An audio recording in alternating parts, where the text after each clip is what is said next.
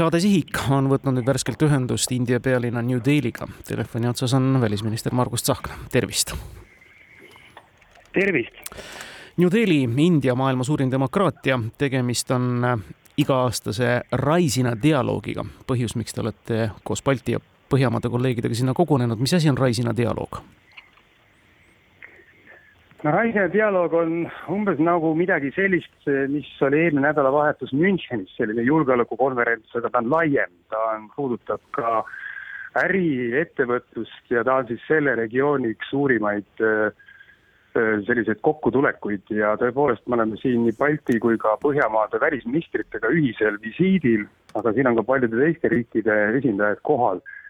ja siin on ka palju äriinimesi, suuri ettevõtteid ja, ja selline suur äh, suur, suur konverents, mis siis hakkab pihta kui äsja lõppenud Müncheni konverentsil olid fookuses teadagi mis ja, ja millised uudised seda kõike Müncheni konverentsi melu ja mõju nii-öelda omasid, siis eh, hoopis teises regioonis ja nõnda suures regioonis ja teises kultuuriruumis, kui seda on India, mis tavaliselt seal selline kõneldav teema on ja kus sellised fookused seatakse? no eks räägitakse muidugi sellest, mis toimub maailmas ja need konfliktid on kindlasti fookuses, ega Venemaa agressioon äh, ei ole kuidagi ka selle riigi ja selle regiooni silma alt ära, aga kindlasti seda vaadatakse kõike teise perspektiiviga, et äh, siin regioonis ikkagi India ise ju äh, järjest areneb suurvõimuks äh,, aga ta on ikkagi demokraatia sõna otseses mõttes. aga kõik need suhted, mis siin on Hiinaga, mis siin on Venemaaga, kogu see regioon, aga ka laiemalt ja Eesti poolt äh, kindlasti on väga tähtis ka see, et äh, meil on kaasas äridelegatsioon ja tegelikult päris mitmed Eesti ettevõtted siin Indias äh, asju ajavad ja meil on ka terve rida kahepoolseid kokkusaamisi Eesti ja India vahel kõrgel tasemel, ministrite tasemel, mis puudutab eelkõige kogu seda digimaailma e-riiki. väga suur huvi on meie personaalse riigi arengute vastu ja ma näengi sellist koostööd siin, et kuskil kuu aega tagasi käis ka meie majandus- ja IT-minister Tiit Riisalo siin suurema äridelegatsiooniga visiidil, näiteks mis puudutab Eesti Energia põlevkivi eh, teadmisi, et kuidas seda rakendada siin, et ühesõnaga seda, seda koostööformaati selle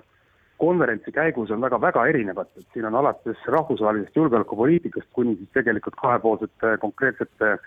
sidemeteni välja ega me väga palju nüüd ei tea India positsioone näiteks meile väga olulises Ukraina sõjas, aga tahaks eeldada, et maailma suurima demokraatiaga on temagi Venemaad täielikult selles konfliktis vastustav ja tahaks arvata, et võib-olla ka siis eh, mingil moel sanktsioneeriv riik. No India on demokraatlik riik ja ta seisab nende väärtuste eest. Ja selles mõttes on India meiega samamoodi mõtlev riik. samal ajal oleme ausad, India majandustegevus eh, on jätkuvalt Venemaaga olemas ehk siis noh, selliseid sanktsioone kindlasti India ei rakenda, nii et tal on siin oma huvid mängus. aga laiemalt noh, meid saab kõige rohkem võib-olla just nimelt äh, koostöö läbi ÜRO, kus äh, ka India on huvitatud sellest, et ÜRO Julgeolekunõukogu töötaks, mida ta täna ei tee. ja, ja, ja eks ta jagab selliseid sarnaseid seisukohti laiemas laastus, aga nii, nii selgelt piirilised need suhted ei ole kindlasti Venemaaga, kui on meil Euroopas nii et siin on oma selline suurvõimu ja, ja, ja ka praktiline pool mängus. Suurvõimust, praktilisest poolest ja kõigest sellest kõneledes, ega ongi vist väga plassi seisu pandud need ühtemoodi mõtlevad Euroopa riigid, kes ühtepidi tahaksid olla ka siis nii-öelda majanduslikult edukad, profiiti lõigata maailma suurimatest riikidest a la Hiina, India, nõndaviisi edasi. Aga samal ajal võib-olla vastustada tuleb nende riikide käitumist näiteks oma vähemusgruppide üle, siin ei käi jutt Indiast, vaid näiteks Hiinast ja, ja kuidas seda nii-öelda rehepaplikku sammu siis täpselt seada, et ühtepidi nii-öelda sakutada noh, kasvõi sellesama koostöö eest Venemaaga, Indiat, aga teisipidi hoida ikkagi häid suhteid läbi selle, et noh, oleks kaubavahetust, oleks koostööd elektroonika, IT vallas. No eks see ongi need valikute küsimus, et kui me Eesti poolt vaatame, siis üks suur perspektiiv on kaitsetööstus kindlasti, mille vastu Indial on suur huvi, aga meie enda ettevõtetel samal ajal India ei anna sõjalist abi Venemaale väga selgelt, et see see pool on samamoodi äh, väga selgelt äh, paika pandud. ja kui me vaatame laiemalt, siis India-Ameerika Ühendriikide suhted vist on läbi aegade kõige paremas ja kõige praktilisemas vormis, ehk siis ka meie ülesanne, mida me oleme arutanud siis lääneriikide juhtidega, on see, et kuidas hõlmata just nimelt seda glo-, globaalset lõunat, kuidas hõlmata siis neid riike nagu näiteks India, kes on demokraatiad, kes on meiega sarnase mõtteviisiga et nad ei kalduks kuskile nagu päris ära. Ja noh, ei ole võimalik võrrelda Indiat ja Hiinat, Hiinas nii-öelda demokraatiaga olukord on teistsugune. ehk siis see, see, eks see on see balansseerimise koht, aga maailm ei ole mustvalge, et me peamegi vaatama siin, kuidasmoodi võimalikult palju nii-öelda põhimõtteliselt meiega sarnaseid riike hoiaksid äh, suurtes küsimustes seljad koos. ja ei ole ka mingi teema ju äh, üllatuslik kellelegi, et äh, näiteks sõltuvus Hiina majandusest on see, millega tegeleb nii Euroopa kui ka äh, kui ka Ameerika Ühendriigid ja Hiina, India on üks nendest, kes seda alternatiivi pakub. kuidas on äh, lood India mm, erineva sõjamoonaga? me oleme neil päevil hästi palju kuulnud ja kõnelemas sellest, et Ukrainal hakkavad varud tegelikult ju rindel otsa saama, ei ole siin suurt enam NATO-le juurde anda, Ameerika Ühendriikides seisab rahaline ja sõjalise varustusabi suuresti sisepoliitika taga ja nõndaviisi edasi. kas Indial ja teistel suurtel riikidel oleks seda potentsiaali Ukrainat tema sõjas aidata? Vot see on see küsimus, mida ma kindlasti ju kavatsen küsida, aga iseasi on see, et kas see soov on äh, ka sõjamoona reaalselt anda otseselt. küll aga kindlasti äh, seesama algatus, mida Tšehhi president äh, Müncheni julgeolekukonverentsil välja käis, et otsida seda moona üle maailma,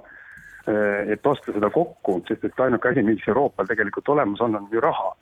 et kui siin saavad erinevad riigid oma panuse anda, siis Ukrainal on ei ole tähtis, kust see moon tuleb täpselt, vaid tähtis on see, et see moon oleks kohal, et saaks ennast kaitsta, saaks, saaks võidelda nende samade väärtuste eest, mille eest me seisame, nii et eks me näeme, mis, mis siin täpsemalt toimuma hakkab vahepeal neid uudiseid ka võib-olla, mis meieni jõudsid siis, kui te olite piltlikult öeldes lennus, me oleme teid tabanud vahetult siis ju maandumise järel. Ungari võimupartei Fidesz on kavatsemas ja nüüd lõpuks korraldada hääletust Rootsi NATO liikmelisuse ratifitseerimise üle ja seda siis juba tuleva nädala esmaspäeval. kas me saame siis nüüd noh, piltlikult öeldes lugeda Rootsi NATO-sse vastuvõetuks? Ma loodan küll ja selle uudise ütles mulle Rootsi välisminister Tobias Billström, kellega me siia koos tulime, et see info jõudis talle ju kohe kohale ja ja ma loodan, et me saamegi peale esmaspäeva nüüd sajaprotsendilise kindlusega öelda, et Balti meri on ja Läänemeri on NATO sisemeri ja Rootsi on NATO täisliige. muidugi need paberid tuleb veel viia Washingtoni ja deponeerida, aga no ei olnud mingit kahtlust, et Ungari selle otsuse teeb lihtsalt lubadused olid, et nad teevad seda enne Türgit, nüüd on siis mängitud see mäng lõpuni äh, Ungari poolt, aga tähtis on see, et see otsus on, on, on tulemas, ma olen kindel, et kui Fidesz nõnda ütleb, siis, siis järelikult need hääled on koos. Ja mis see nüüd siis tähendab, kas see tähendab nüüd siis NATO kaitseplaanide uut ümbertegemist ja juba siis Rootsi sinna integreerimist, implementeerimist või see on juba tegelikult tehtud? Ega Rootsi ja ka Soome rollid nendes NATO plaanides olid juba niikuinii sees, aga ega nüüd, kui ollakse täisliige, täiskohustuste ja õigustega, eh, saavad need plaanid kindlasti täiendust ja täiendust reaalsete eh, võimekustega. ja artikkel viis ei ole mitte lihtsalt enam nii-öelda poolte kokkulepe, vaid see on nii-öelda üks kõigi kõik ühest eh, klubi põhikiri. ehk siis see on, see on üks väärtus, mis, mis nüüd siis lisandub ja tõepoolest, vaadates seda äh,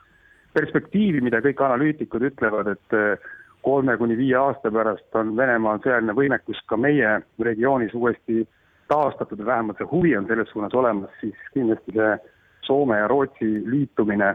annab meie regioonile ikkagi väga olulise sõjalise võimekuse ja ka poliitilise võimekuse juurde. nii et eh, ma arvan, et see on, see on üks väga hea päev Eesti inimestele.